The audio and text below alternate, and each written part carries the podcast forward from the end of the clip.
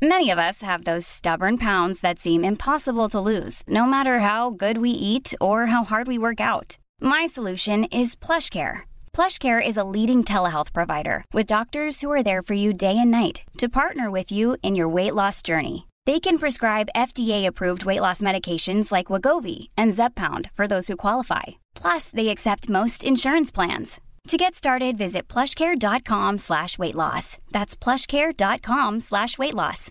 This message comes from BOF sponsor eBay. You'll know real when you get it.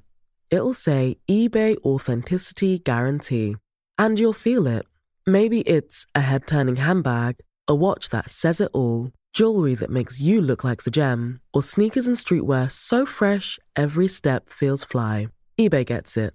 So look for the blue check mark next to that thing you love and be confident that every inch, stitch, sole, and logo is checked by experts. With eBay Authenticity Guarantee, you can trust that feeling of real is always in reach. Ensure your next purchase is the real deal. Visit eBay.com for terms. Systrarna Elvstrands hästpodd är producerad av Media House by RF. Hej på er och välkomna till systrarna Elfstrands hästpodd avsnitt 138. Välkomna, välkomna. Jag som pratar nu heter Emma. Och jag heter Anna och det här är podden om mig, min syster MC och oss och våra men gud vad konstigt det här blev. Du är lite trött idag. Jag är lite trött. Men vi har fyra hästar i alla fall som vi tränar och tävlar i hoppning och dressyr med och vi älskar ju att snacka om allt som händer i ridsporten utöver det. Det gör vi. Hur är läget med dig idag Anna? Ja men som sagt lite seg i kolan idag. Eh, det är ju lite upp och ner med måendet och just nu känner jag att jag är inne i en liten dipp men eh, det är ju som det är. Utan dipp, inga chips. Nej jag. Hur mår du? Jo men jag mår ganska bra skulle jag säga. Jag är väl också inne lite i en dipp just nu. Jag känner att det har varit ganska mycket det senaste. Lite väl mycket som vi har hittat på på helgerna och sådär för min stackars utbrända hjärna. Men eh, ja, utöver det så mår jag ändå ganska så bra skulle jag säga. Mm. Och ni vet ju att i förra avsnittet så var jag ganska så förbannad på min kropp. Ja. Men jag får säga att det, det är så här jag fungerar när saker och ting händer. Och när jag kommer till insikter och grejer. Att först blir jag förbannad och besviken och ledsen. Typ, ja, men typ som när Pebban skadade sig eller som nu när jag fick ont i ryggen. Det, det går att applicera på många olika händelser i livet.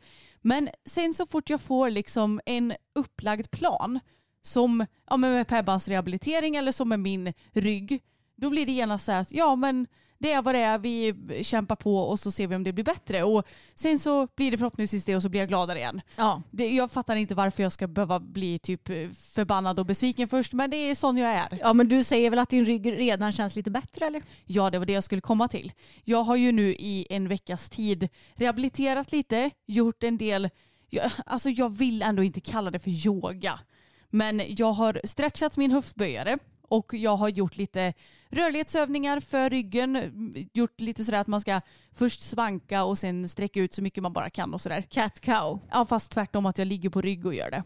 Ja okej. Så jag vinklar bara bäckenet liksom. Ja ja. Mm. Eh, och ja, men lite sånt. Och sen så har jag också varit väldigt, väldigt, väldigt medveten i min gymträning och kör inga som helst belastande saker för min rygg just nu. Så inga benböj, inga marklyft, typ inga, ingen stångrodd, Mm. inte så mycket rygg överhuvudtaget egentligen för att ja, det blir ju ganska så belastande för min ländrygg.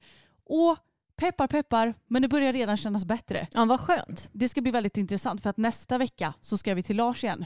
Det ska Mm. bli kul att se om han känner och ser någon skillnad på min kropp då. För Ja. då har det gått ja, men typ tre veckor sedan jag började med det här. Mm. Så vi får se. Men jag är ändå vid, även om jag är lite trött så är jag ändå vid lite gott mod nu. Ja men vad skönt. Och jag tänker att du nämnde ju Pebban förut så vi kan ju ge en liten uppdatering om henne för det är många som undrar hur det går för henne när hon ska komma igång igen och så vidare. Och jag fick precis svar nu på mail från Husaby och vi har bokat in en tid för återbesök den 27 oktober.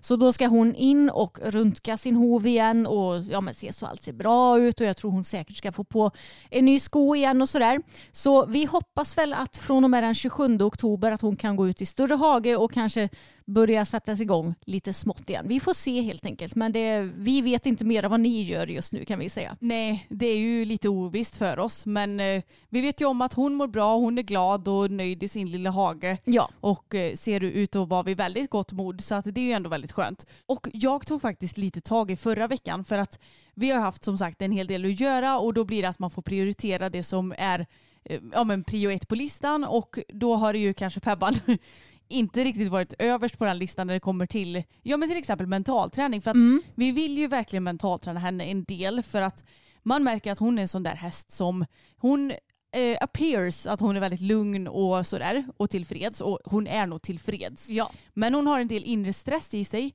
kan inte riktigt chilla, hon eh, kan inte riktigt slappna av och bara stå och vara. Utan hon ska hela tiden hålla på med någonting, antingen skrapa med benet eller virvla med mulen eller bita Ja. lite. Eller, alltså, hon måste ha någonting att göra Japp. hela tiden. Så att det kände jag att nu måste vi verkligen ta tag i och träna på det här. Och förra veckan was the day som jag skulle börja med det. Du har ju gjort lite det innan. Ja. Men det var nog, ja det var första gången som jag tog tag i att göra det tror jag. Ja. Och då så tog jag med henne ut i paddocken med repgrimma och rep.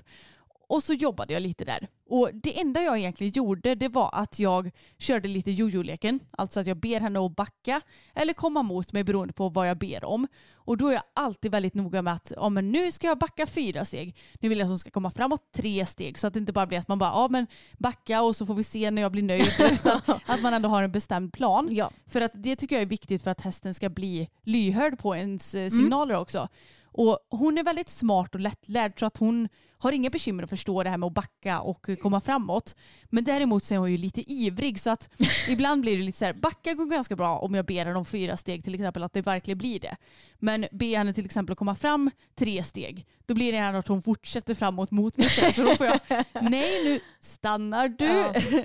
Men hon var jätte, jätteduktig och jag märkte ju först att hon kunde inte stå still en sekund utan hon skulle börja skrapa och hon skulle börja fäkta med benen och ha sig. Men efter en liten stund så började hon fundera väldigt mycket såg jag. Mm. Man såg ur ögonen, alltså hon bara, det såg ut som hon skulle somna i princip och öronen vippade utåt lite grann och sådär. Så då såg jag att nu börjar verkligen den här träningen ge resultat.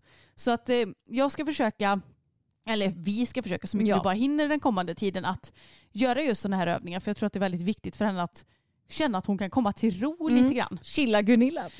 Verkligen, för att hon är så himla pillig alltså. Ja det är hon verkligen. Men jag märkte det när jag skulle göra jojo-leken med henne första gången. Mm. Eller ja, de typ två första gångerna. För om man tar Bella och Fokus till exempel. Det tog ju lite tid innan de fattade det här. Och att eh, ja, det tog ju ett par träningar innan de ens backade överhuvudtaget med hjälp av ja, det här lilla fingret och sen Ja, men man... skojar du eller? Det, Mm. det tog ju, för vi börjar ju alltid väldigt lätta rörelser och små rörelser och så får man gå upp mer och mer i, inte styrka men Intensitet. exakt intensitet beroende på om de lyssnar eller inte.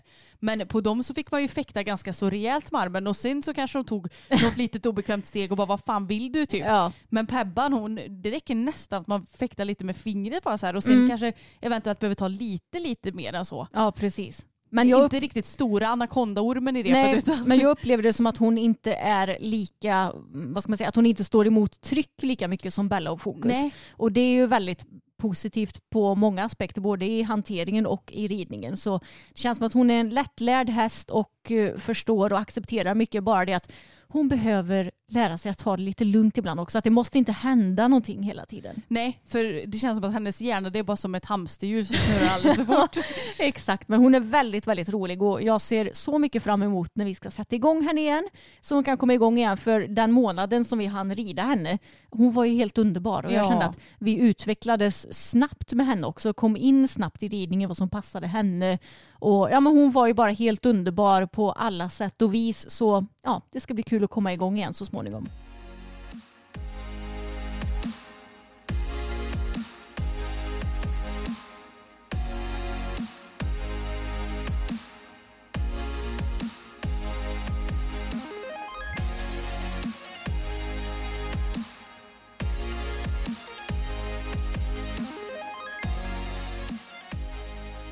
Ja, vi har ju ändå börjat det här avsnittet med att prata om lite våra konvalescenter till hästar. Mm. Så då kan vi såklart lika gärna ta och prata lite om Tage också.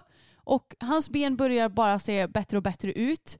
Även om det kanske inte är helt hundra. Det ormbitna benet, eller vad det nu är. Jag säger att det är ormbett för att då fattar ni vilket jag menar. Ja.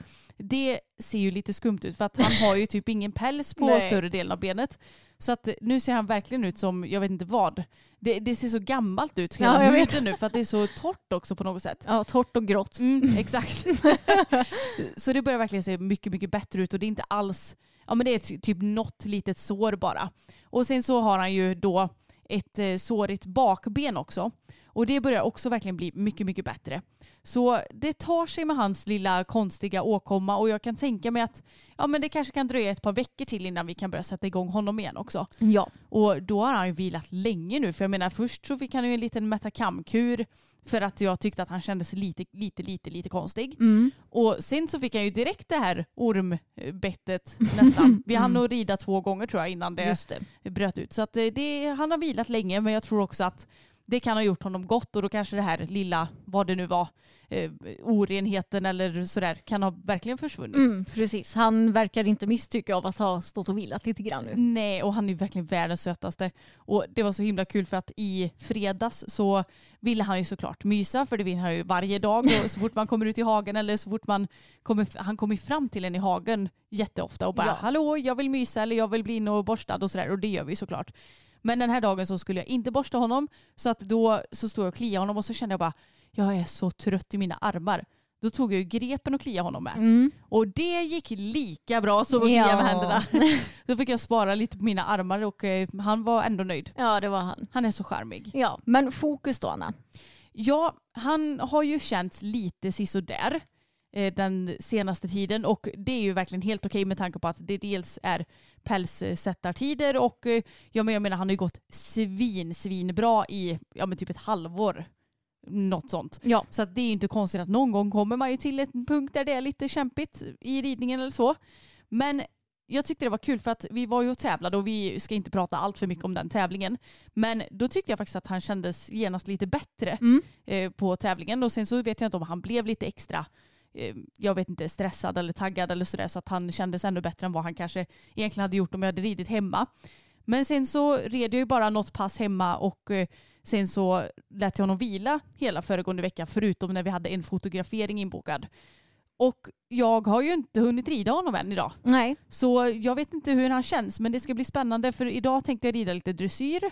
Ett lite lättare pass bara. Och sen tänkte jag rida ut, som ja, det blir ju idag för er när ni lyssnar förhoppningsvis, tisdag, en uteritt. Och sen så har vi träning igen för Johan på onsdag. Så då får vi se lite hur det känns. För jag tänker att det blir ganska optimalt upplägg. För jag menar Johan han är ju så himla bra på detaljer och ser ju ordentligt hur fokus rör sig och har lösningar på mina problem. Så att det, jag tror att det, jag hoppas att han ska kännas Mm. ännu mer fit igen. Ja, men det tror jag nog. Och det är så kul för du har ju gått och sagt att fokus här känns inte bra och varit lite så här klagig. Men jag som har sett. Klagig, är snarare orolig. Ja men orolig och jag som har sett fokus från mark jag bara Anna det är absolut inget fel på den här. Han är jättefin. Det är bara det att du inte riktigt har samma känsla som vanligt och jag tror som sagt att många kan känna samma sak så här nu på ja men kanske både hösten och på våren när det är pälssättar och fällartider. Jag har ju sagt att Bella har känts så himla fin det senaste men faktiskt nu den senaste veckan så har hon känts också lite sisådär. Hon har varit lite seg, stått emot lite grann, känts lite stelare än vanligt. Ja, du, du fattar. Ja, Och jag, eh, jag var ju och tävlade i helgen och hade ju planerat att hoppa 1,10 men jag kände att eftersom hon inte kändes helt hundra i veckan innan så ändrade jag så att jag hoppade en meter istället. Och jag är väl ändå ganska nöjd över det beslutet, kanske främst för min egen del. Jag tror inte det hade spelat så stor roll för Bella, men för mitt eget självförtroendes skull och ja, du fattar. ja. Men eh, alltså tävlingen, hon kändes bra på den. Hon var lite seg på framridningen och framhoppningen men hoppade riktigt fint så jag fick ändå bra känsla. Inne på banan hade jag också jätte, jättefin känsla hela rundan. Det kändes mycket bättre på tävlingen än vad det har gjort hemma när jag hoppat till exempel. Men vi fick ju återigen fyra fel då. Ja, jag fattar inte. Eller jo, jo, jag fattar ju varför ni rev det här hindret. För att Jo. hon tittar ju till jättemycket på ett hinder och ville egentligen vägra på det nästan. Men du Ja. bara, nej nu ska du över. Ja, men jag blev så förvånad för det var ett våghinder, alltså det är ett vågplank i hindret. Och hon har tittat till på det någon mer gång på tävling tidigare men nu har vi hoppat flera vågplank under sommaren och hösten och det har inte varit några konstigheter. Jag var till och med fram och tittade på det innan vi skulle hoppa banan. Men det var som att när vi red emot det så var det som att hon blev liksom förvånad. Så hon stannade till och så galopperade hon lite åt sidan. Men jag bara, nej men nu ska vi över.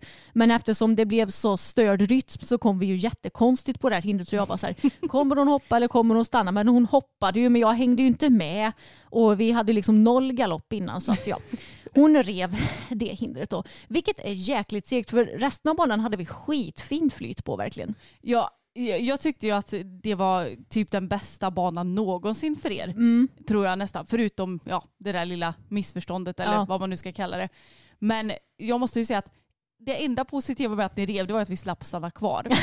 för att det här var en lagklass och det innebär ju att ja, men, i princip de flesta lagklasser går i bedömning A1A. Ja. Och det innebär att man först rider en grundomgång och blir man felfri där så går man vidare till en om- omhoppning. Men det är först när alla ekipage har ridit. Mm. Så att det blir ju nästan som att rida två klasser. ja, det blir ju det. Så det hade ju varit en lång dag om vi inte hade drivit. Ja, och jag tycker att den bedömningen är så seg. Jo, den är ju lite seg. Men jag var ju fortfarande besviken över att inte bli felfria när det kändes så bra. Men jag måste säga att en positiv sak med att jag hoppade en meter nu, det var att jag kände att herregud vad lågt en meter känns. Och det är lite skönt att känna för ända sedan jag köpte Bella så har ju det inte blivit att jag hoppat så många en meter med henne för att hon och jag har blivit skadade.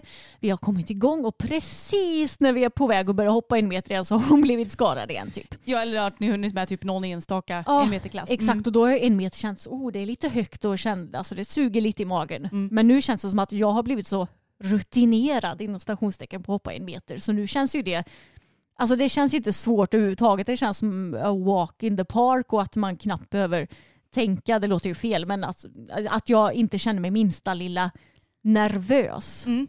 Men det måste väl kännas jätteskönt för jag menar Mm. sist du kände så det måste ju nästan vara när du och Boppen var uppe Ja, och ja. tävlade och 10 regelbundet. Precis, för så kände jag ju för 1,10 förr i tiden när jag hoppade boppen. Ja. och det var länge sedan jag kände så här för en meter. Det var, det var ju också när jag hoppade boppen när han var ändå lite äldre. Så det är skönt att jag ändå, alltså min lägsta nivå har höjts lite grann. Ja, Det och vill säga- din comfort zone. Ja precis, jag tänkte, min comfort zone har liksom höjts mer. Den har blivit Mm. bredare och bredare så det känns skönt. Så jag känner att även om inte hon känn, har känts 100% så hade jag kunnat hoppa 1,10 i helgen också men jag ångrar ändå inte att jag hoppade en meter. Nej men jag tänker att det är aldrig fel att gå tillbaka lite. Det är ju inte som att du eh, på något vis eh, måste ut på massa 1 och 10 bara för att du en gång har debuterat Nej, det. jag vet. Jag menar man får ju känna efter lite och det är klart att jag eh, kommer ju fortsätta att pusha dig för att du ska komma utanför din comfort zone. Mm. Precis som du gör med mig många gånger. Jo. Och eh, det är klart att jag vill ju verkligen att ni ska komma igång och tävla i 10 nu. Jag tycker att ni ska passa på när ni är fräscha båda två liksom. Ja. Men samtidigt så är det ju sådär att man får känna efter vad dagsformen är. Och man får ju vara klok nog och ja men för sin, framförallt kanske för din egen skull att inte hålla på och överpusha sig heller. Mm, precis, så nu hoppas jag att vi båda ska fortsätta vara fräscha så att vi kan rida 1,10 någon gång igen. Nu hade jag ju egentligen tänkt den här helgen att tävla också men jag känner att det har blivit för mycket för mig och min hjärna det senaste så jag behöver ett litet break från tävling och liksom ha en helt hästfri helg. Mm. Och ja, bara göra det som jag känner för och det har blivit för mycket. Då sparar man dessutom pengar. Det är ju så jäkla dyrt nu med diesel och eh, allt vad det nu är så jag känner också att jag har inte råd att hålla på och tävla varje helg. nej jag vet det har blivit skitdyrt det är ju Åh. jättetråkigt. Men eh, då får man ju bara avanmäla sig så är det ju. Mm. Så nästa tävling kommer väl bli sista helgen i oktober Den dig, va? 21 oktober. Just det, 21 oktober blir Mm, det. Mm. Precis, då ska vi till Grevagården och hoppa 105 centimeter. Just det, men det blir ju ändå lite lagom. Ja, men jag känner det. Ja. Så det ska bli kul. Då har jag en plan och att jag ändå har ett par lite lugnare veckor nu, vilket ju är perfekt eftersom hon har känts lite som sagt sisådär. Så nu planerar jag faktiskt den här veckan att ja, men efter att vi har dressyrtränat så tänker jag att på torsdagen kanske jag rider ut bara en liten lugn tur och sen så får de vila hela helgen Mm. och få en liten mikrovila. Jag tror det kommer göra gott för både henne och mig. Det tror verkligen jag också. Men på tal om det här med att eh, ja, vi håller på och tävlar och att det är skönt att vi kanske inte har någon tävling precis just nu så håller jag verkligen med för att jag och Fokus har ju nämligen anmält oss till vår första Medelsvår B. Just det. Sen vet inte jag om det kommer bli av eller inte för jag nämligen på samma tävling så fanns det både Medelsvår C och Medelsvår B1 då. Mm. Som ju är de klasserna som jag kan rida eller så. Eller får. och eh, ja, vi får se lite hur det blir. För att ibland så kan jag känna lite att det är väl för fasen bara att knuffa sig ut eh, över den där lilla klippan och ta det där språnget. Men ibland så känner jag också att vi kanske ändå kan bli lite bättre på byten innan vi testar det på tävling. Mm. Men som ni vet, jag ser liksom ingen prestige i om det inte skulle gå hela vägen. Men samtidigt så är ju med så se ett väldigt roligt program också. Ja. Du förstår mitt dilemma lite här. Att, Jo, eh, jag förstår det. båda programmen är kul. Eller nu har jag Mm. inte ridit Medelsvår B än. Nej. Men Medelsvår C är väldigt kul. Jag sa att du kan ju rida båda klasserna där. Jag sa att Medelsvår B är ett så jäkla kort program så det, det kanske kommer vara jättelätt för dig att rida. Du kommer inte bli lika flåsig som i Medelsvår C. Nej men det är ett jättekonstigt program alltså. Och jag vet inte, jag har typ inte tänkt på att det ens programmet är ens finns typ Nej. förrän för några år sedan. Sen kanske det är ett ganska nytt program, det har jag dålig koll på. Mm. Men det är ett jättemärkligt program. Ja. I Medelsvår C så är det nog 25 punkter tror jag. Ja. Och i B är det 17. Så Ja, det är ganska herregud. många mindre punkter. ja, och vi sa det också att det är också lite färre svårigheter i Medelsvår B1. För det är ju öppna, det är ingen sluta i Medelsvår B1. Nej. Det är öppna, det är galoppombyten och vad var det mer? Det är en travlängning, en galopplängning. Mm. Eller ökning är det ju då. Ja. Ryggning och sen länga formen. ja, det är ju Medelsvår C1 också. Ja. Så egentligen är det ju fler klurigheter i Medelsvår C1 och att det händer ju ändå mycket i det programmet så jag förstår ju att du tycker att det är roligt att rida. ja, och man kan ju säga att det finns ju lite olika fördelar och nackdelar med de här programmen. Ja, Men så C1 är lite längre vilket innebär att får jag en miss på en öppnad då kan jag ju rädda upp det på desto fler punkter. ja. Får jag en miss i Medelsvår B1 då eh, kostar det genast väldigt Jo. mycket mer eftersom det är så få punkter så det finns inte så många att hämta upp det på. Liksom. Ehm, så att det är klart att det är, gäller ju att verkligen sätta alla punkter Mm. om man ska få bra procent i Medelsvår B1. Men vet du vad jag, jag tycker att du ska rida båda programmen Anna. Tycker du Ja, det? jag tycker du ska rida båda, båda programmen och så ser du Medelsvår C1 som själva huvudprogrammet så att du liksom känner att, ja, men, att du lite mer satsar för det programmet. Mm. Och det, jag tycker ju ändå att du ska fortsätta rida Medelsvår C1 och bli mer vad säger man, etablerad i det. Ja. Och sen att du bara går in och rider Medelsvår B för skojs skull. ja, men för att rycka av plåstret Ja kanske. men exakt. Mm. Alltså vad spelar det för roll om det inte blir rena byten och så vidare. Nej men det hade jag inte tyckt oavsett i Nej. och för sig. Men att du liksom kanske kan gå in och eh, nu försöker du ändå få bättre och bättre eh, placering och procent i C1 så då kan du lite mer fortsätta satsa på det nu för nu är du ju väldigt väldigt nära att bli placerad i C1 som på förra tävlingen hade han inte börjat takta i skritten så hade du blivit placerad då till exempel. Ja. Så jag, och jag menar så var det ju inte för ett år sedan då var du ju glad om du inte kom sist i C1 liksom. ja, verkligen. Så då kan det kanske vara kul att fortsätta rida den klassen så att ni kan få lite resultat för nu börjar ni ju bli mycket mer stabila i det programmet. Ja, och det är lite det här jag menar också, precis som med din klass, att det gör ju ingenting att du har debuterat 1,10 och sen Nej. går tillbaka till en meter. Likaså tänker jag ju oavsett om jag kommer starta den här med ben i S Mm. eller inte. Jag menar det spelar ingen roll om jag startar med se fram till juli nästa år Nej, och sen startar med B igen. precis. Det finns ingen som säger att man måste hela tiden gå i en trappa uppåt utan man kan hålla på och flaxa lite mellan klasser. Mm. Ja, och nu var det så länge sedan du red två klasser på fokus också så då Gud, ja. kan du ju testa och se lite hur, ja men både hur du känner och hur han känns. Ja, det kanske inte är fel för jag menar det går ju ändå på samma i samma ridhus och sånt och då kanske han kan komma till ännu mer avspänning. Mm. Jag provade ju det en gång för, är det tre år sedan nu? Ja. Något sånt. Mm. Och då blev det ju bara typ ännu sämre i klassen, eller i andra klassen. Trots att jag tror jag red på samma bana. Ja, det, jag, jag tror det. Men Ja. han var ju också väldigt mycket mer komplicerad på den tiden. Jo, det kan man ju minst sagt säga. Ja. Nej, så då vet ni att det kanske vankas lite debut. Mm. Det blir ju typ eh, 23 oktober. Ja, Ja, det är precis. samma helg som jag ska tävla. Exakt, Mm. men vi tävlar fredag och söndag. Yes. Så vi får se lite hur det blir. Men jag tänker att jag tränar för det i alla fall och jag kan ju också diskutera saker med Johan på onsdag. Mm. Så får vi se lite. Men det, jag tycker det, det är spännande tider i alla fall. Ja, och på tal om tävling så kikade ju jag lite på, eller ja, jo men lite på fyra års, säger man fyraårschampionatet på Breeders? Eh, Ja, eller breeders Ja, överlag. ja, Breeders Trophy. Ja. Fyraårsklassen. För jag tycker det är intressant att kolla på. Du har ju ett konto på Ekisport Anna som inte används speciellt flitigt. Nej, och som jag kanske borde, speciellt nu i dyra tider, ta och eh, vad heter det? Säga Avregistrera upp, ja. Exakt, så du betalar vad är det, 89 kronor i månaden. ja, och det är såklart inte jättemycket men Nej, tänker men- man på alla olika tjänster man har nu så Ja. blir det ju mycket i slutändan. Jo, exakt. Men jag snodde i alla fall ditt konto så kikade jag på fyraårsklassen med testryttare som var Katrin Dufour i år. Hon har ju varit det tre gånger om jag Mm. inte minns fel. Och jag tycker alltid det är intressant. Jag har sett ja, men tidigare både när Katrin har varit testryttare, testryttare och eh, Charlotte Dujardin. Mm. Och det är väldigt intressant att se dem rida, de unga hästarna. Och jag måste säga att ja, men fyraåringarna de var så fina och duktiga och to- tog atmosfären så bra så det var roligt att se på. Mm. Hade du någon favorit bland dem du såg? Ja, men Hur mycket såg du förresten? jag, jag tror jag såg de fem sista hästarna och de brukar ju lägga upp det så att de ja, fyraåringarna som har fått bäst resultat i typ eh, kvalklassen, Mm. de brukar ju läggas lite mer sist Ja, just det. programmet. Eh, Så ja, mina favoriter, kanske inte så chockerande, det är ju Carl Hedins Skyline to be Ja. eh, som är superfin hingst. Han fick ju nio, han fick 10 på ridbarhet och 9,9 på framtidsutsikter. Så Så han fick 99,5 va? ja, det måste i det bli. procent. Ja, exakt. Jag undrar ju, för jag är ju inte jätte... Till er som kanske inte har så bra koll, om jag tävlar i dressyrklass så kan jag få, eh, ja men kanske snarare så här mellan 60-65 procent. Det är ju inte helt ovanligt att man får Nej. 70-75 procent heller. Och jag har sett någon gång att någon har fått typ så här 80 procent i, i lätt B till exempel. Ja. Men när det kommer till unghästklasser så räknar man ju lite annorlunda för att då har man kanske sådär eh, fem punkter. Det är Mm. eh, framtidsutsikter, lösgjordhet, skritt, trav, galopp tror jag. Om inte jag minns helt fel. Det kan det nog vara. Ja, och eh, på de här så sätter man ju olika betyg då och då är det ju eh, ja, men 7,8 kanske, Ja. 9,7, Ja. skritten var skitdålig, den fick en 4. Ja, men, ni fattar vad jag menar. Mm. Så då blir det ju oftast en lite högre procent normalt än vad det är Precis. i vanliga inom citationstecken Mm. dressyrklasser. Så det låter ju kanske helt sjukt med 99,5 Fem, procent.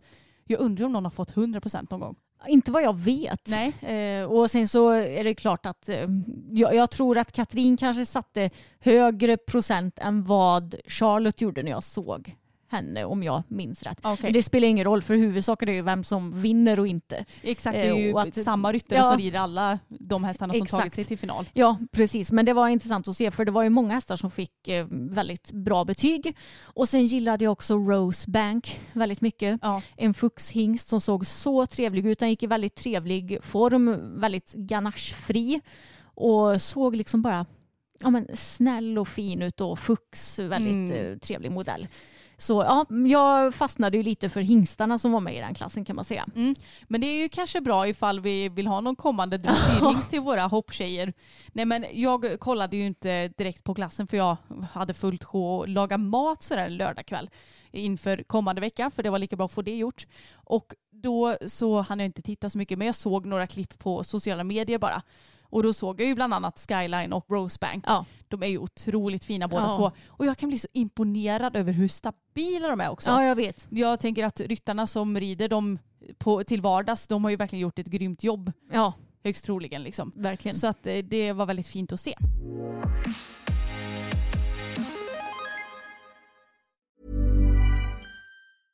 Hey, I'm Ryan Reynolds. At Mint Mobile, we like to do the opposite of what Big Wireless does. They charge you a lot, we charge you a little. So naturally, when they announced they'd be raising their prices due to inflation, we decided to deflate our prices due to not hating you.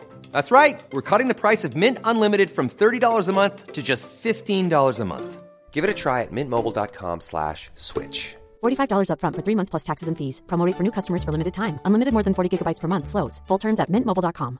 Burrow is a furniture company known for timeless design and thoughtful construction and free shipping, and that extends to their outdoor collection. Their outdoor furniture is built to withstand the elements, featuring rust-proof stainless steel hardware, weather-ready teak, and quick-dry foam cushions. For Memorial Day, get 15% off your Burrow purchase at burrow.com slash ACAST and up to 25% off outdoor. That's up to 25% off outdoor furniture at burrow.com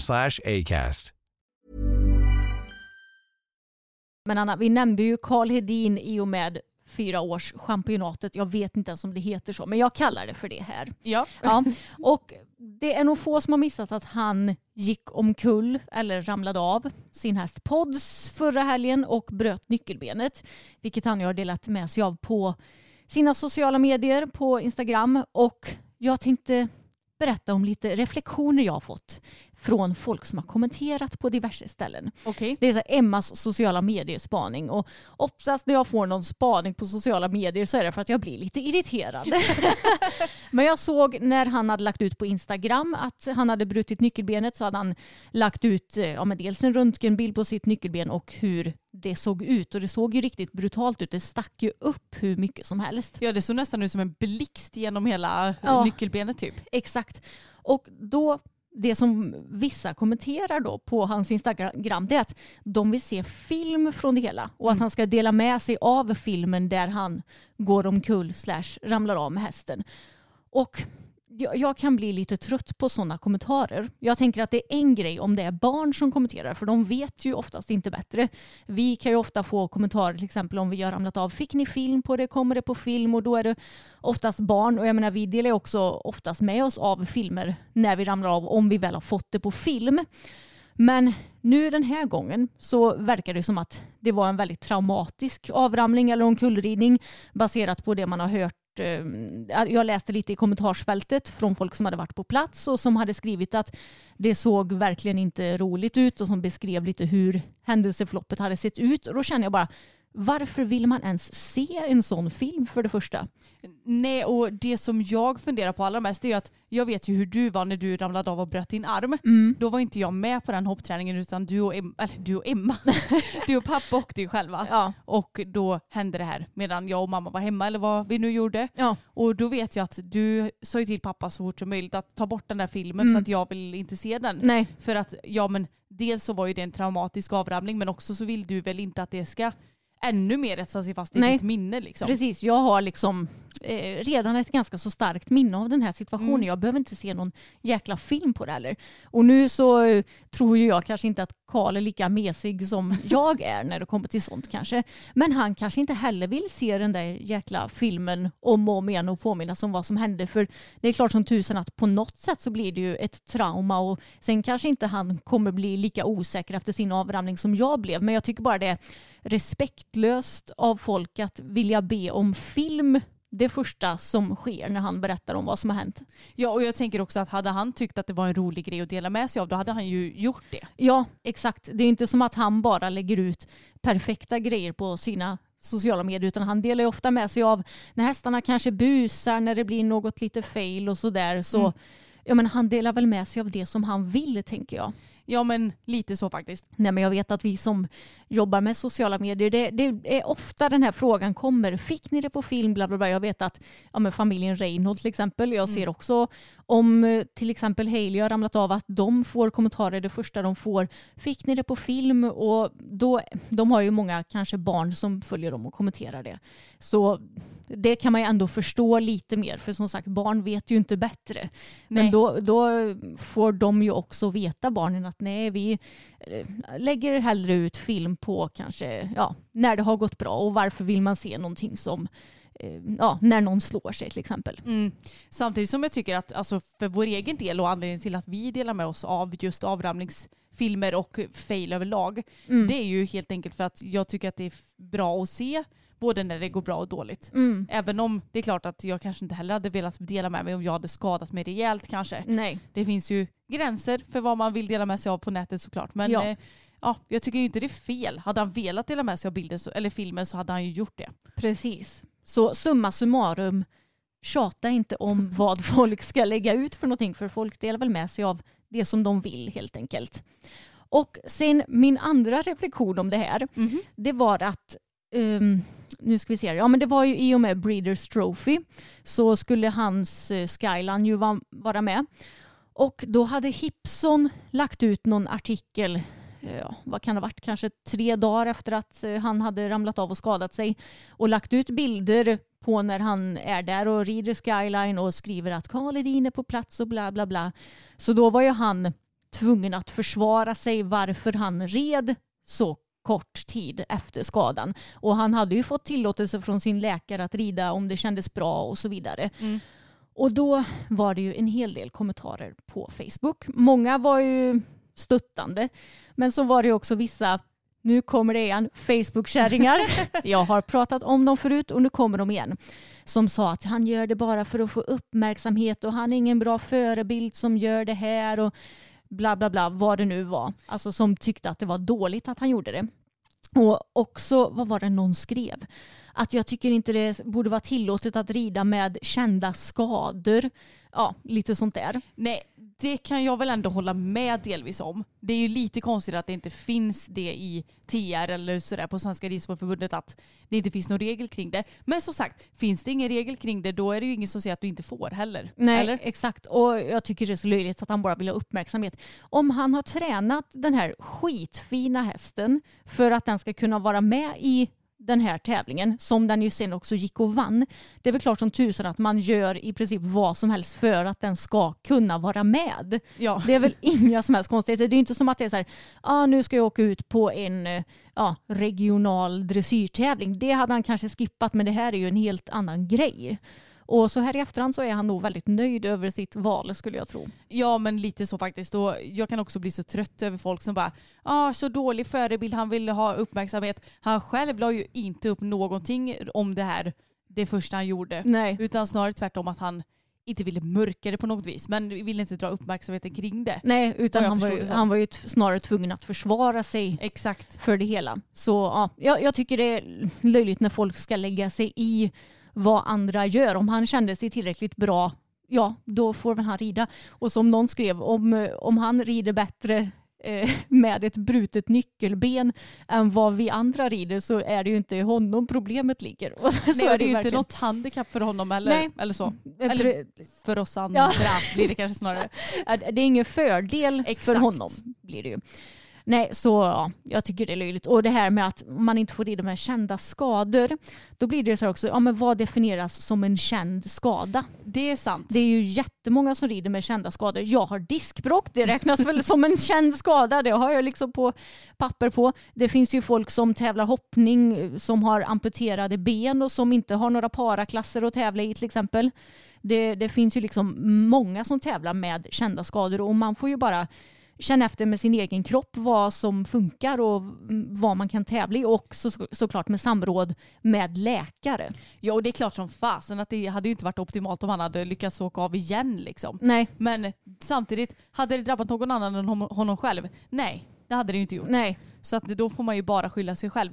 Och ärligt talat, är vi alla änglar här i världen eller? Nej. Jag menar jag satt ju upp på tagen när jag hade knäskada för att jag blev så himla desperat efter att få rida. Mm. Sen så var ju det barbacka padd ut i skogen men mm. fortfarande, det hade ju lika gärna kunnat sluta på backen och att jag hade haft en onder i knät. Ja, Jag tror nog att de allra flesta gör lite sådana här gamblings för att vi älskar hästar och för att vi sällan kan vara utan dem särskilt länge. Ja, och om man är egenföretagare och jobbar med hästar som ju Karl gör, då har man kanske inte heller råd att vara ifrån ridningen allt för länge. Och i synnerhet inte om man känner att ja, nu har jag skadat mig men jag kan ändå rida. Mm, det hade kanske varit svårare om han hade brutit typ foten eller lårbenshalsen eller något. Ja, han har ju ridit med bruten fot också så det hade väl Jo, inte jag hindrat honom. vet. Men det var ju ändå på en äldre häst tänker jag. Mm. Det kanske är svårt på en fyraåring. Kanske, jag vet inte. Nej, jag vet inte men vi hästfolk är ju generellt lite galna kan man ju sammanfatta Ja, det som. det är ju lite vida känt bland läkare att vi hästmänniskor är tokiga. Ja, jag red ju väldigt tätt in på mitt diskbråck också. Mm. Typ så, så fort jag ens kunde gå hoppade jag upp i sadeln. Ja, men det är ju också det där att det är ju det som vi älskar att göra och jag tänker också att det hjälper en att läka lite grann. Ja, det, det, var någon som jobbade inom vården som kommenterade att eh, ja, men, numera så är det mycket mer känt att man faktiskt ska röra sig för att främja läkningen. Förut var det så här, nej men du ska vara helt stilla Mm. typ. Och det fick jag också höra när jag fick diskbråck att du ska röra dig så mycket som möjligt. Men i början kunde jag ju inte Nej, det röra nej, inte. Alltså, jag hade så, så ont så det, jag kan ju säga jag bryter ju hellre, nej jag bryter inte heller armen igen för jag kom ju igång snabbare igen efter diskbråcket. Men rent smärtmässigt så var ju det piece in of cake jämfört med diskbråcket. Så- Sa du piss in of cake? piece of cake! Jag trodde du skulle säga piss i havet och så Ja. blev det blandat med piss of Ja cake. men det blev nog lite blandning visserligen. Piss i kakan. Men ni fattar vad jag menar. Ja. Okej, nu så ska vi ta och komma in på ett eh, allvarligt ämne och det här är ju inte något nytt i podden utan det är ju ett ämne som vi har tagit upp flertalet gånger tidigare. Och det handlar om sexuella övergrepp inom ridsporten och nu är det några veckor sedan va, som den här artikeln kom ut Emma. Jag tror det är ungefär två veckor sedan. Mm. Och det är då en artikel som Aftonbladet har släppt. Och Aftonbladet de har ju nästan som en liten serie där de ja, men skriver om ridsporten och kanske de, den mörkare delen av ridsporten med sådana saker som eh, kanske många vill dölja. Och jag tycker det är jättebra att de tar upp grejer för de intervjuar ju personer som har blivit drabbade på olika sätt. Mm. Och eh, det är ganska långa och eh, mer grävande artiklar så det är intressant. Men tyvärr så är ju de här artiklarna också plusartiklar, det vill säga att man måste betala för att läsa dem. Men vi har ju en snäll lyssnare som har skickat den här artikeln till oss eftersom vi själva inte har Aftonbladet plus. Ja, och vi tänkte att vi skulle ta och försöka sammanfatta den så gott det går. Vi har ju fått, eh, jag vet inte hur många, det är säkert 15 skärmdumpar här på artikeln för den är ganska Mm. lång. Men eh, jag tycker också att det är väldigt, väldigt viktigt att, att få med hur det egentligen är när det sker ett brott inom ridsporten och ja, men vilken hjälp eller hjälp snarare som man får. Precis, och vi kommer ju att ja, rikta in oss på själva ridsportförbundet och Ja. hur de agerar i de här situationerna. Och jag tänker också att det, vi, det handlar ju om en ryttare som har skickat in eh, bilder på sitt könsorgan till ja, men ett gäng tjejer. Mm. Och den här personen i artikeln kallas för Johanna. Hon heter egentligen något annat men jag tänker att för enkelhetens skull så använder vi också det namnet på henne. Ja, och hon är ju då en av de tjejerna som har blivit drabbade av ja, men dickpics, filmer och eh, ja, men trakasserier i ord och filmer om jag har förstått det hela rätt. Mm. Via Snapchat främst verkar det som. Yes, precis. Och Johanna och eh, de här eh, tjejerna som har blivit drabbade är under 20 år kan vi också tillägga. Yes. Så det är unga tjejer vi pratar om. Och artikeln handlar egentligen om att Johanna gör en anmälan på just de här händelserna som har skett under flertalet år dessutom. Mm, med- till Svenska Till Ridsportförbundet. Svenska Ridsportförbundet ja. För att det var något som de själva sa att eh, händer det någonting sånt här med sexuella trakasserier anmäl till oss. Mm. Och då så kände hon väl ändå att ja men det här är viktigt att göra så jag anmäler de här händelserna. Och eh, det hela blev ju inte så bra som hon hade tänkt sig att det skulle bli. Nej, precis. För det visade sig att ryttaren som hade trakasserat de här tjejerna hade anlitat en advokat medan Johanna satt helt ensam i sin sits. Mm. Och hon fick väldigt, väldigt lite stöd från förbundet och deras stöd blev också mindre och mindre med tidens gång. Och det var ju Johanna som gjorde själva anmälan men hon hade ju ändå eh, ett antal tjejer bakom sig också som också, om jag förstått det rätt, hade skickat material och bevis till Johanna som hon sen i sin tur skickade in till förbundet. Mm, precis, så att det handlade egentligen Johanna hon skrev diverse olika mejl om vad som hade för sig gått och med anmälan och grejer som hon skickade till förbundet och förbundet i sin tur skickade det till ryttarens advokat. Ja. Så att förbundet var ju egentligen endast en mellanhand Mm. mellan de här två parterna.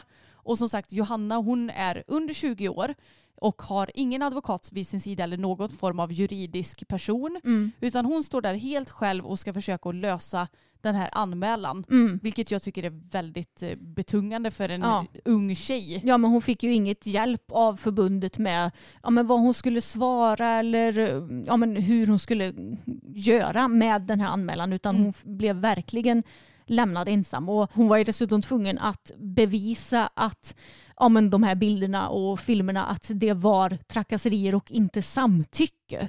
Och då var hon ju tvungen att verkligen gräva tillbaks i sitt trauma också för att få fram allt det här. Mm, precis. Och hon berättar också att hon sov eh, väldigt dåligt under den här perioden och att hon mådde väldigt dåligt, vilket man ju verkligen kan förstå. Och jag tycker också det är viktigt att man aldrig lägger någon skuld på offer. Varför anmälde du inte det? Varför gjorde du inte si och så? För som sagt, det kan vara ett stort trauma. Ofta orkar du inte ens till exempel polisanmäla om du har blivit drabbad av någonting. Jag vet att när det kommer till våldtäkter och sexuella trakasserier så är det ju väldigt en väldigt liten procent som faktiskt anmäler det hela. Och det förstår jag verkligen för du orkar inte och i synnerhet inte när eh, anmälan i stor grad många gånger inte ens leder någonstans. Nej, Precis. Då är det lättare att bara mm, gå vidare i livet. Ja. Men så därför är det ju väldigt starkt av Johanna att hon faktiskt anmälde till Ridsportförbundet även om det blev skitjobbigt för henne att göra det. Och dessutom så hade ju förbundet agerat lite fel också för Ridsportförbundet har ju ett juridiskt ombud och Johanna hade skickat olika filmer till sin kontaktperson på förbundet. Men de i sin tur hade bara skickat en och samma film till det juridiska utskottet så de hade ju klantat sig också så att det hade lite sett ut som att Johanna försökte få det till att det var värre än det var om du fattar vad jag menar. ja, just det. Och det gjorde ju då att hennes trovärdighet minskade, även om det inte var hennes eget fel att det gjorde så, utan att det var förbundets fel. Och det juridiska utskottet, jag antar att det är lite äldre personer som, som sitter i det, så hon var tvungen att förklara hur Snapchat fungerar. Och hon säger att det hon hade önskat från förbundet hade varit information och stöd om vad som måste vara med i en anmälan.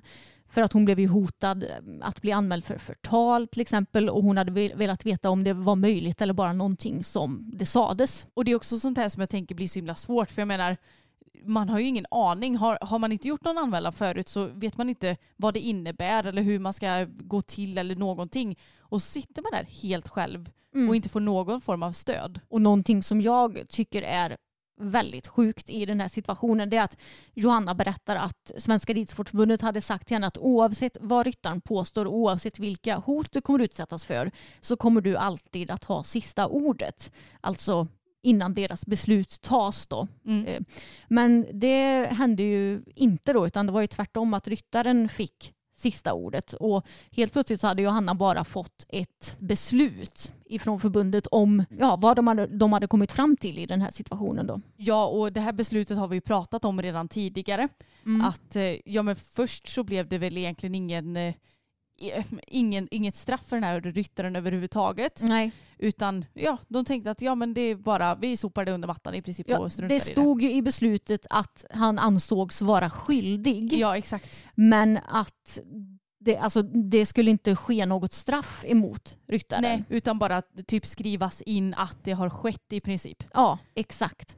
Men sen så kom de ju fram till att de skulle stänga av den här ryttaren från landslagsuppdrag i ett halvår och det här har vi ju redan diskuterat Ja, för två poddavsnitt sen eller vad blir ja, det? jag tror det. Och det gjorde de ju efter att FEI hade tagit beslutet att stänga av fälttävlansryttaren. Just det. Så Johanna och säkert många andra tror ju att Ridsportförbundet hade inte tagit det här beslutet om inte det redan hade kommit upp ett annat fall. Mm. Ehm, Så att de kanske var lite tvungna att göra det för att se bra ut. Lite så. Och det som jag tycker fortfarande är väldigt eh, konstigt och det är ju att den här landslagsryttaren får alltså ja, men ungefär samma straff som några som har druckit alkohol. Som är över 18 år, druckit alkohol under ett eh, EM var det va? Ja, Och eh, därmed blir bestraffade för det. Och Mm. De får alltså samma straff trots att den här personen har sexuellt trakasserat flertalet tjejer. ja precis. Och det, det är ju det som Johanna säger också, att hon Mm. tycker att det är väldigt konstigt. Och jag måste också bara säga motiveringen eh, som juridiska utskottet hade då eh, angående den här ryttarens gärningar. Att det kan vara ett utfall av ungdomligt oförstånd och bristande impulskontroll. Och att det verkar som att det kanske är därför då som inte han fick något straff från början. Ja, ja men det, det är ju som alltid att ja men eh, det är bara killar, de retas och de kittlas och de tafsar. Alltså det känns som att det bara följer upp liksom i åren också. Ja, Vadå ungdomligt utfall? ja, Håll koll på dina handlingar istället. ja, precis. Och jag tycker också det är så konstigt för det här fallet känns som ett riktigt mellanfall. Jag känner att antingen så är väl personen i fråga oskyldig och ska inte ha något straff överhuvudtaget. Eller så finns det tillräckl- tillräckliga med bevis som visar på att han är skyldig och då ska han väl få ett kännbart straff. Nu känns det som om Ridsportförbundet har hamnat i något sorts mellanting med det hela. Mm. Och det blir ju inte bra för någon part känns det som. Nej och det känns lite som att man försöker att plisa alla även fast det blir Ja. att man typ inte plisar någon Ja, istället. exakt. Så det är jättetråkigt tycker jag. Och det känns som väldigt respektlöst Ja, mot de som har drabbats också. Ja, men verkligen. Så ja, det är många som tycker att Ridsportförbundets styrelse borde bytas ut och jag kan också tycka att det juridiska utskottet, det, där borde också de som är med bytas ut. Och Johanna skriver det att det vore bra om det fanns ett juridiskt ombud för ehm, ja, med personer som gör anmälningar till Ridsportförbundet. För många gånger kanske det är unga personer, personer som kanske inte har råd att anlita egna advokater.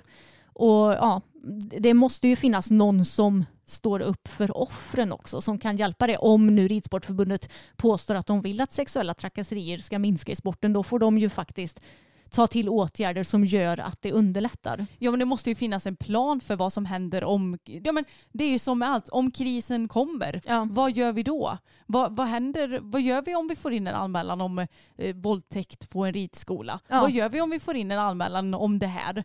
Då måste man ju på något vis eh, göra ett worst case scenario och faktiskt ha en lösning på det hela. Ja, exakt. I- Helst innan det sker, men nu har det ju saker och ting redan skett och då får man väl bara se till att få till en bra krisplan som funkar. Mm, precis. Eller det kanske inte är så bara, men du förstår vad jag menar. Ja, jag fattar. Jag tänker att det finns ju åtgärder som hade kunnat lösa många av problemen som finns i sporten. Men jag tyckte att det var en väldigt intressant artikel och det var en väldigt lång artikel också. Vi kanske kan länka den om vi hittar den igen för er som vill läsa hela artikeln och eh, har Aftonbladet plus för jag tycker den var väldigt läsvärd. Och som sagt så tycker jag det är jättebra att Aftonbladet gör de här lite mer grävande undersökningarna inom sporten. Jag har ju ett litet huvudbry just nu Mm. och det handlar om vårat hö. För att jag har blivit lite sån här att nu orkar jag fan inte mocka upp mer hö som hamnar utanför höbingen. Nej, För det är nämligen så att våra hästar får fri tillgång på hö och vi har byggt som ja men hölådor kan man säga som är väldigt stora och som rymmer en eh, hel höbal. Så att vi öppnar ju bara hela höbalen och sen sätter ner den och så får hästarna äta så mycket som de känner att de vill och behöver. Och det har ju funkat väldigt bra. Men jag inser ju det att det både blåser och hästarna tycker att höet allra längst ner i botten är godast så att de håller på och buffar runt höet och det hamnar hö över, över, över, över, överallt. Och det är så tungt, speciellt nu när det börjar bli höst och det regnar gärna lite och så trampar de ner det och bajsar på det. Så att ni förstår, det är en never ending hö-story. ja. Och då så ringde jag till pappa för att det var en dag som det var så mycket hö utanför, eller utanför boxen. Den här höboxen alltså. Ja. Och jag, jag blev typ sådär att jag bara, nej men nej, jag, jag börjar nästan gråta för att jag blir så frustrerad. Men i alla fall så ringde jag ju till pappa då och då är han ju en så rolig person. Jag tror att vi har pratat om det här tidigare i podden. Mm. Så här kommer lilla veckans Hans citat. Ja. Och det är ju då när jag berättar om det här med höet, att det ligger överallt. Och då så säger han, jaha, men vem är det som har gjort det då? är det Bella eller? och jag bara, hur ska jag kunna veta det? Det är inte som att jag sitter och tittar på dem med en skål med popcorn och ser vem som välter ut mest Nej. hö av alla hästarna. Så att han är så rolig som alltid måste ha svar på saker. Vilken häst är det som välter ut mest hö? Mm. Vilke, vad gjorde hästen när den bockade? När den blev rädd. Ja. Vad blev den rädd för? Ja, inte tusan vet jag. Exakt. Så att det är så här, pappa söker svar på alla frågor som ingen har svar på för att vi kan inte fråga hästarna. Nej. Så ja, vi försöker att komma upp med en lösning till det här med höbingesproblemet så att det förhoppningsvis ska bli lite lättare att hålla det rent och fint. Ja. Och så att pappa kanske förhoppningsvis slipper fråga vem det är som stökar runt så mycket. ja, hans frågor, det är också en never-ending story. ja, det är ju väldigt harmlöst förstås men Ja. ibland blir man bara så trött på alla frågor. Ja, men på tal om pappa så får vi säga att det är kul att förra veckans avsnitt verkar ha uppskattats så mycket. Jätte, jättekul Mm. och vi har fått flera frågor om inte både mamma och pappa kan gästa igen. Det tycker Mm. jag är roligt att ni, ja, men, ni verkar gilla de avsnitten väldigt mycket. Ska vi ha ett avsnitt där båda två gästar? Då kommer pappa inte få en syl i vädret. Nej, kanske inte. Nej jag skojar bara, så pratar jag nog inte mamma. Nej, men men han, han gjorde faktiskt ett bra jobb får jag säga. Jag håller med och jag blev förvånad över hur lätt det var att klippa avsnittet. För jag är alltid beredd på, när vi har, det spelar egentligen ingen roll vilken gäst vi har, så blir det ju alltid lite mer klipp än när både, bara du och jag Ja. poddar. För jag menar vi är ju så himla sammansvetsade och har gjort det här ett tag nu också. Men eh, när vi får in en gäst då vet man att det blir genast lite mer jobb. Men det var inte så mycket jobb Nej. faktiskt. Jag fick bara klippa bort lite pauser här och där när han satt och funderade och sånt. Men det är ju helt okej. Ja, verkligen. Och han har nog inte lyssnat på avsnittet själv än och det kommer han nog inte att göra heller. Jag tror faktiskt inte det. Nej, Men det är ju lite så, sån var jag också förut, att jag ville helst inte se eller höra något som jag hade varit med i. nej. Alltså väldigt länge sedan. Nu är man ju van. Ja, det är man ju. Men det är faktiskt lite sjukt på tal om det här med att vi är vana vid våra röster nu för tiden. För att jag vet när vi var yngre och typ precis hade skaffat någon filmkamera, när pappa hade gjort det liksom. Ja. När vi var kanske 12, jag var 12, du 14 eller något sånt.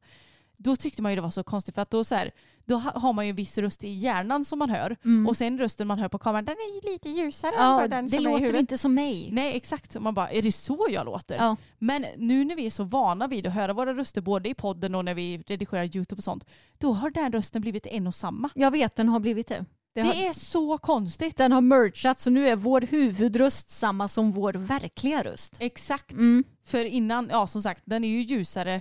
Man hör ju en lite mörkare ton i huvudet än vad man gör utåt egentligen. Mm. Så det är faktiskt väldigt intressant och det är kanske något som ni inte visste. Men jag tänkte säga att nu så filmar väl folk sig själva ganska mycket i och med mobilkamerans framfart. Ja, så var det inte på vår tid, Nej. tänkte jag säga. Det låter som att vi är Vi börjar bli så 50. gamla och goa nu Ja. Ditt hår blir bara gå och gå. Det blir det faktiskt. Mm. Jag ska färga mig på onsdag. ja, Men det är inte för att jag ska färga mina gråa strån i och för sig. Det är för att jag vill vara lite rödhårig nu för tiden. Jag tycker Mm. det är fint. Ja, det, det är väldigt fint. Anna. Ja.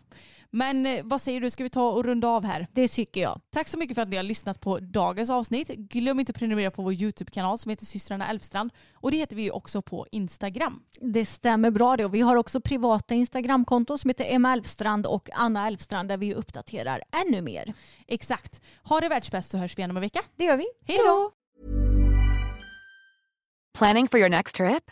Elevate your travel style with Quince. Quince has all the jet setting essentials you'll want for your next getaway, like European linen, premium luggage options, buttery soft Italian leather bags, and so much more. And is all priced at 50 to 80% less than similar brands.